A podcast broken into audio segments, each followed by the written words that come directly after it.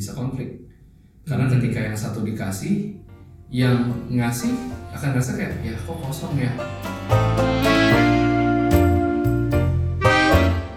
Hai balik di Mikir Mulu bareng gue Richie William di sini dan Edi Hartono. sebuah podcast yang ngajak kalian untuk nggak mikir mulu dan segera take action.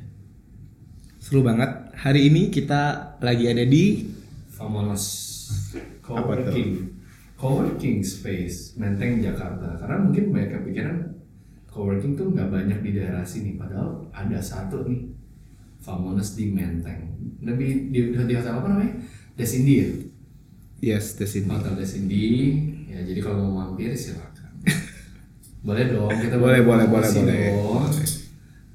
Nah kita mau milih apa Ed? Ini tunggu ya. Ini kalau gue pikir mikir mulu ini kan kalau tadi ya dari dari dulu kita ngomongin ngomongin tentang kalau mikir terus kalau mikir terus Mikir mulu, kapan actionnya? actionnya. Hmm.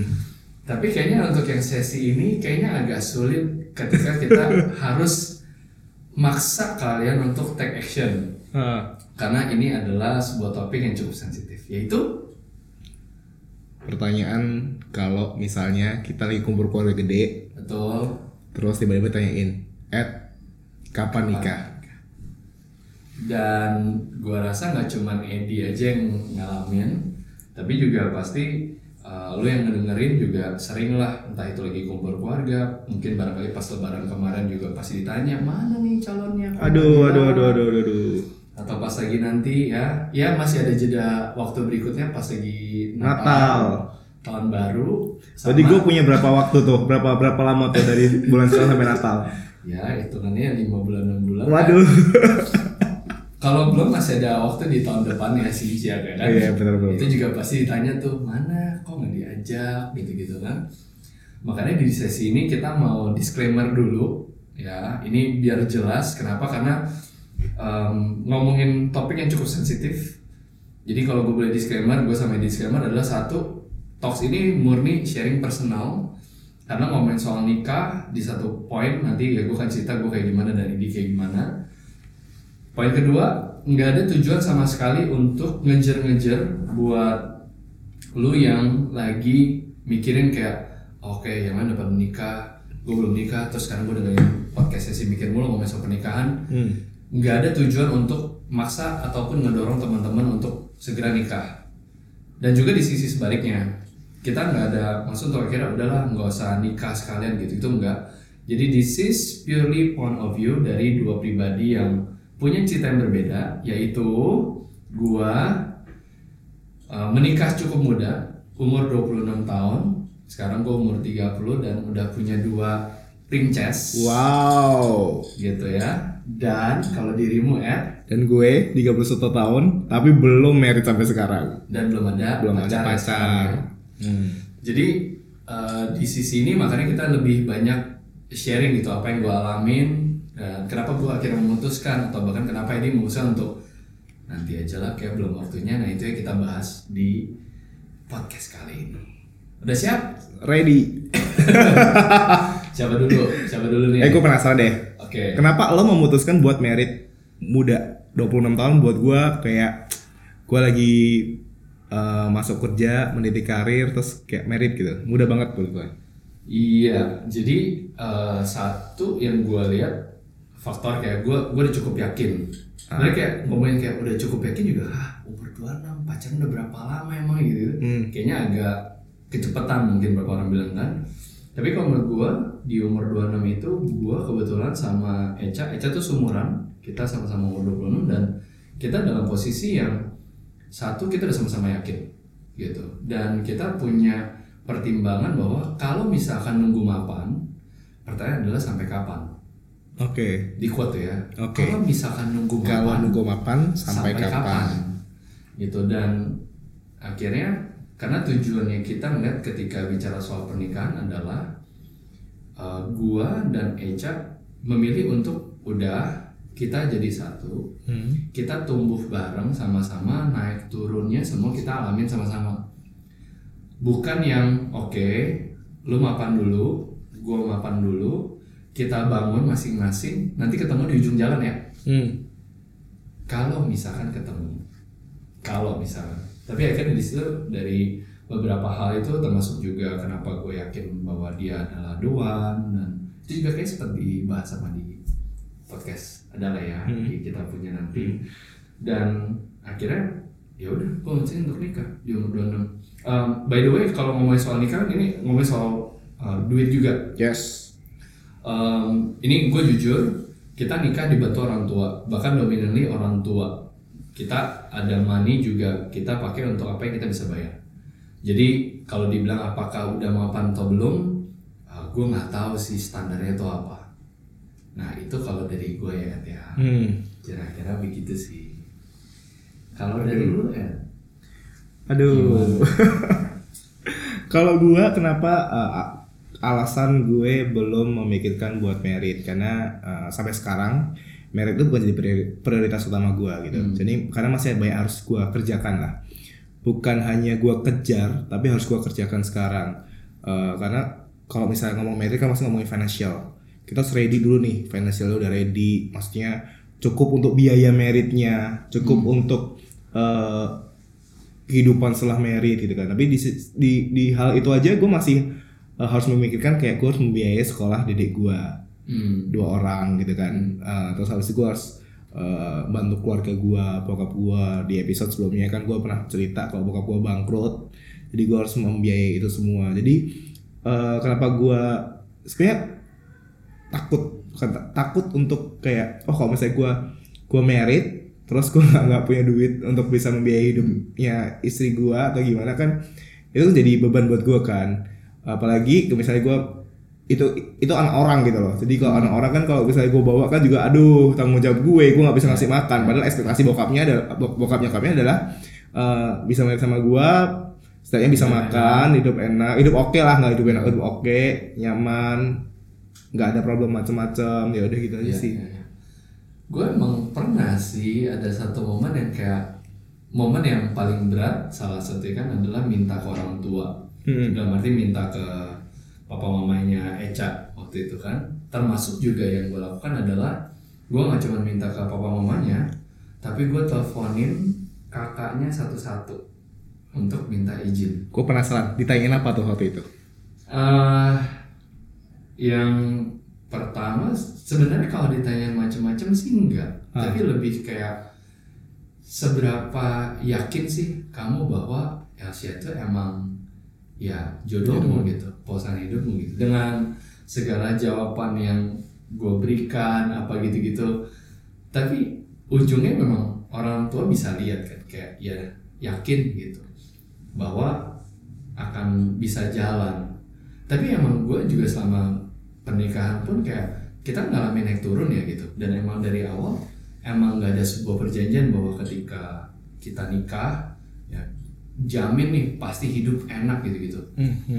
Karena memang mindsetnya bukan ke situ gitu bahwa pernikahan sebuah perjalanan gua sama Eca ya udah kita emang udah komit ya kan?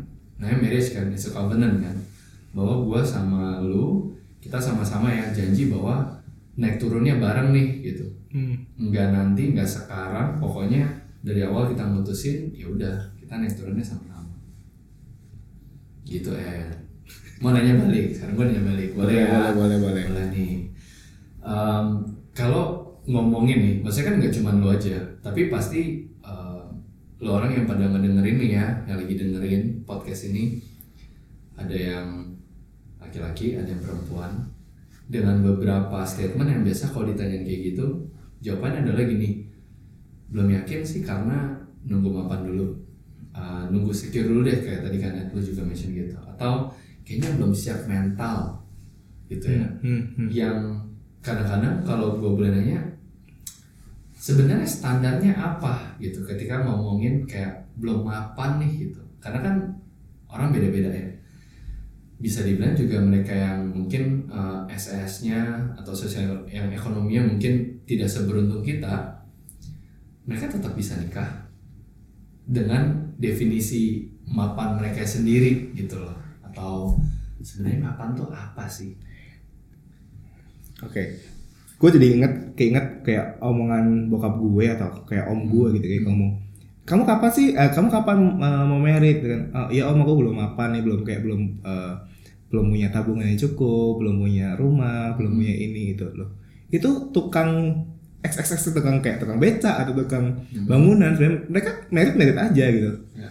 mau dibilang mereka mapan juga mereka eh, belum belum belum Belum belum tentu. tentu, Ya. kita juga nggak tahu kan belum Ya. tentu gitu tapi kalau menurut gua eh, kata mapan itu pasti nggak nggak akan ada habisnya ya Hmm. ngomong mapan pasti setiap orang punya Yes. standar mapannya masing-masing tapi setidak- setidaknya adalah lo punya tabungan yang safe lo bisa ngasih makan lo punya tempat tinggal yang tempat tinggal yang layak dan ya lo nggak nggak nggak nggak kekurangan menjalani hidup lah karena karena problem merit itu nggak cuma masalah eh, cinta doang gitu kadang masalah duit juga jadi problem Betul. karena ketika Ya. ketika lo nggak secure di satu hal misalnya contoh duit aja nggak secure pasti akan jadi problem-problem yang lain Hmm.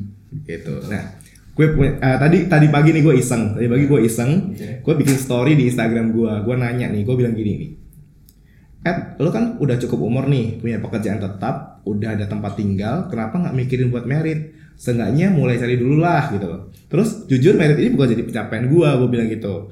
Karena merit itu nggak gampang menurut gue, karena harus siap mentalnya, harus siap finansialnya, belum lagi problem-problem ketika lo merit, ya kan? Hmm. Nah, gue sendiri harus merasa siap untuk hal itu.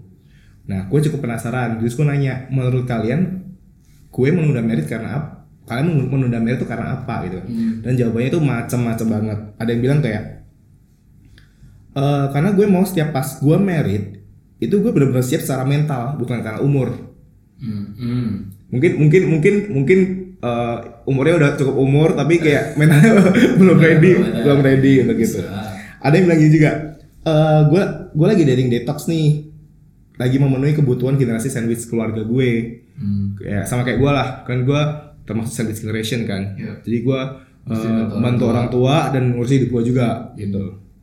Terus ada bilang gini juga, belum nemu pasangan yang pas, Ya. terutama soal tujuan hidupnya dia seperti apa. Hmm.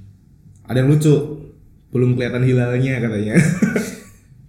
Dan ya, ya maksudnya banyak banyak banyak banyak macam-macam lah alasan kenapa eh, orang-orang atau teman-teman gue juga pada belum merit atau kayak kenapa gue belum merit karena memang menurut gue menurut gue merit gak nggak nggak gampang ya. Hmm. Iya, Ya, kalau di pengalaman itu iya pasti merit gak gampang. Tentunya Em, beda ketika lu baru nikah, terus ketika lu tahu bahwa lu akan menjadi ayah gitu ya, which is di cerita gue kayak gue waktu itu tahun 2015 berarti kayak baru baru baru ngerintis credence waktu itu. Itu kayak gue tahu istri gue hamil dapat kerjaan ya puji Tuhan. Tapi mesti berangkat ke Singapura bolak balik jadi kayak beda gitu. Ketika kalaupun gue tahu itu lebih dulu sebelum si Eca udah hamil kayak mungkin cerita kan beda.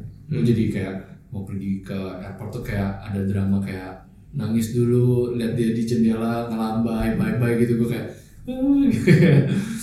dan bahkan juga setelah anak yang pertama lahir terus tahu anak kedua ngandung jadi kayak um, ada stages ya gitu tapi oke ini gue nanya ya muka lu soalnya tiba-tiba kayak jadi excited gitu jadi kayak soalnya kayak senyum gitu-gitu Karena gue mendapatkan ilmu dari lo gitu kan dapat pengalaman. Iya, oh iya. ternyata gini ya orang Nah. tuh kayak gini nih tapi ceritanya. pas gitu. gue uh, ngelihat soal that excitement di muka lu gitu sebenarnya lu kebayang itu sebagai sesuatu yang menarik atau sesuatu yang kayak menakutkan bahwa kayak wah si Eci begitu ya waduh apa nikah tuh kayak gitu ya gitu Buat gue menarik sih. hmm, Karena eh, itu kan stage hidup orang beda-beda berbeda-beda gitu kan. Kayak misalnya sekarang gue lagi menikmati singlenya gue dengan pekerjaan gue.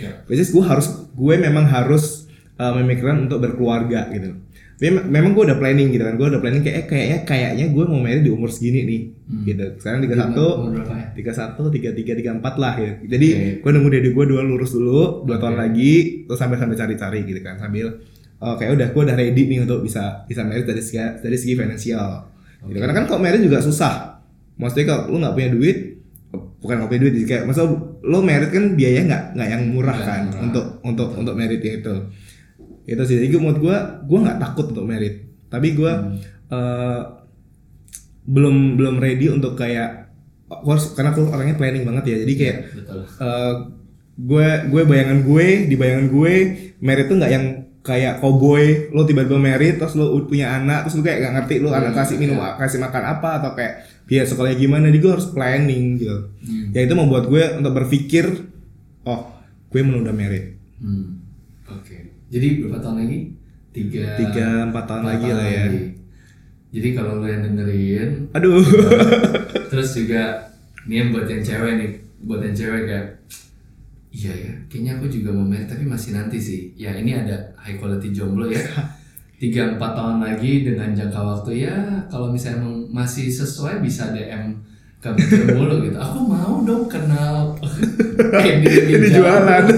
ya boleh dong. Boleh, boleh, boleh, boleh. kan? Aduh. Gitu apalagi apa apalagi sih yang yang eh, tadi kita udah ngomongin standar.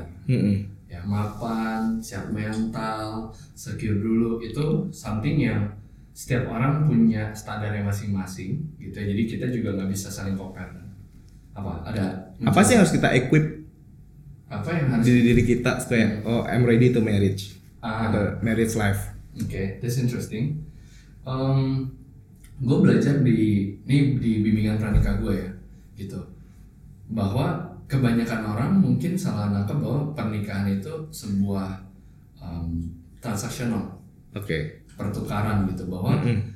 ya udah uh, gua suami gitu gue suami dengan gua gelas yang kita kasih ilustrasi gelas deh paling gampang Uh, kita datang ke sebuah pernikahan maksudnya gua dan calon istri gua. Kita harus bawa satu kita ini adalah pribadi dengan gelas yang penuh. Dua-duanya penuh gitu. Bukan yang satu penuh yang Satu kosong. nggak kosong Atau setengah. tapi setengah lah misalkan gitu. Hmm. Uh, kendalanya adalah ketika kita ngelakuin pertukaran gitu ya. Ntar ya mau itu komunikasi mau itu cinta mau itu sentuhan apa pun itu yang love language ya tapi kayak waktu ketukar itu kayak kalau misalkan dua-duanya nggak sama-sama penuh ya dalam arti ya mungkin bisa bilang tadi soal kesiapan mental mindset soal menikah gitu-gitu bisa berujung bahwa akhirnya yang bisa konflik karena Hmm. ketika yang satu dikasih yang ngasih akan ngerasa kayak ya kok kosong ya oke karena kan pindah kan Yes. ngasih ke istri misalnya padahal mungkin istrinya gelasnya setengah gitu. ya udah yang suami akhirnya kasih istrinya jadi penuh tapi suaminya setengah. Dan dengan berbagai isu yang akhirnya bisa muncul dari situ.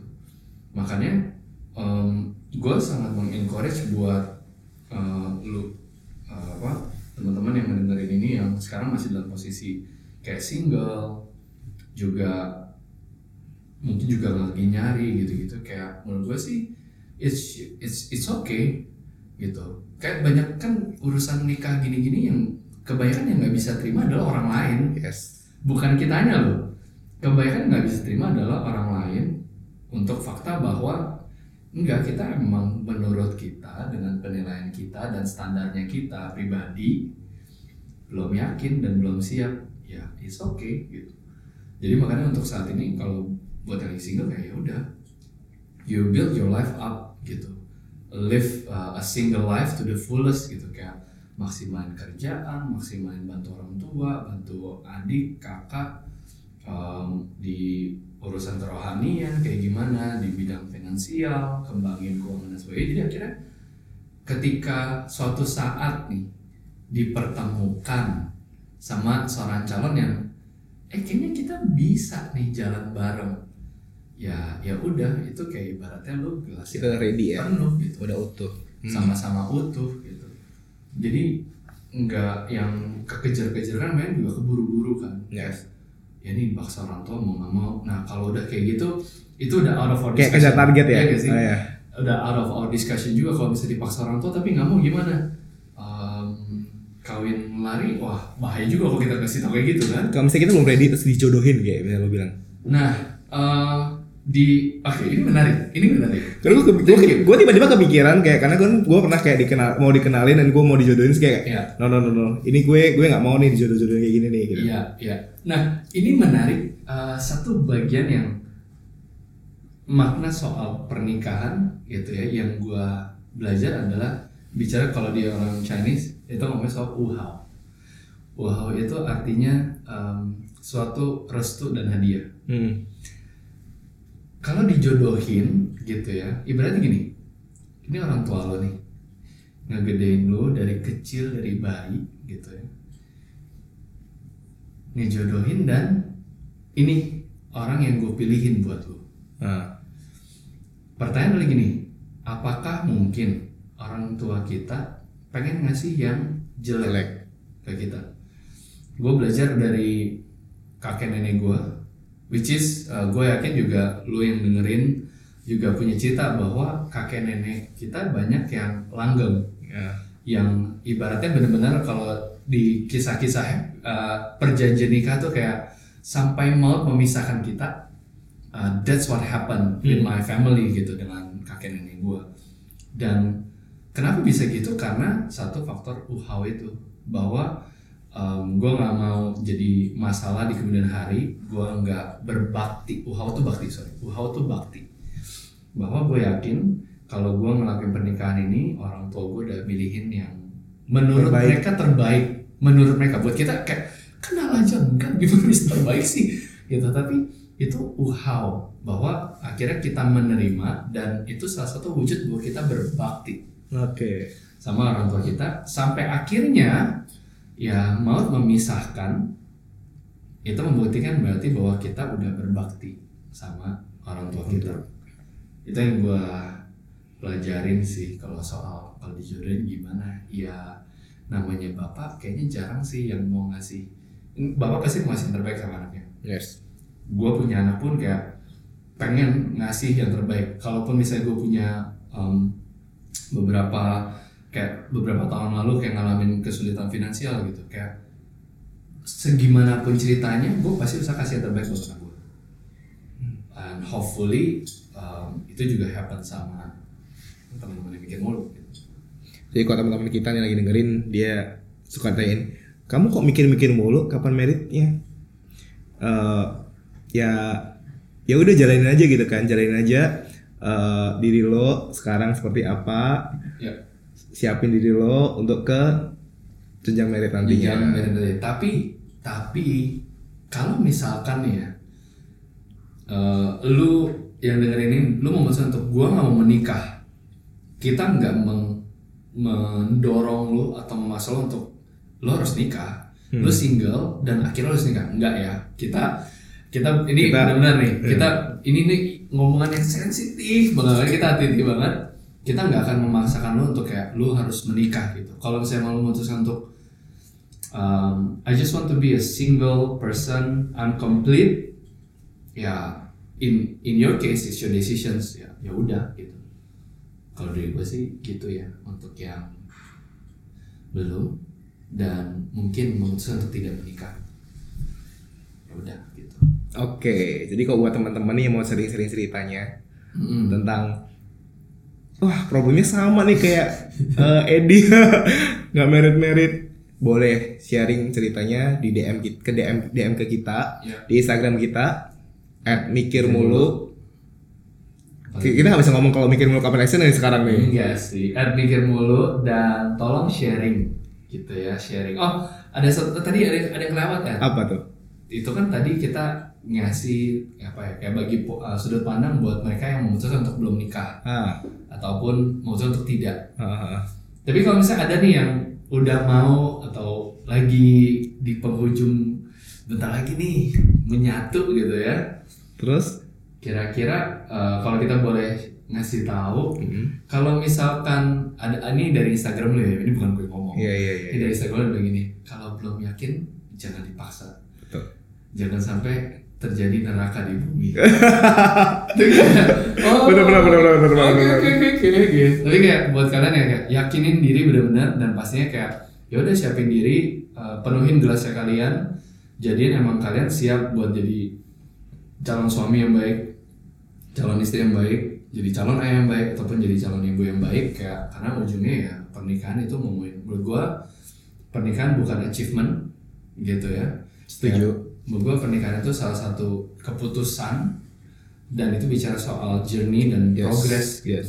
dan segala naik turunnya ya bisa dihadapin sama-sama. Kalau dari gua begitu kan. Oke, kalau ngomongin masalah kapan nikah, kapan punya pacar, mana pacarnya emang gak ada habisnya. Tadi kita mau closing aja, ngobrol lagi. Sampai jumpa lagi di podcast berikutnya dan juga recap ya dengerin podcast-podcast yang sebelumnya karena uh, akan ada banyak update ke depannya dari podcast Mikir Mulu. Jadi pantengin terus sampai jumpa di topik berikutnya. See you. Bye.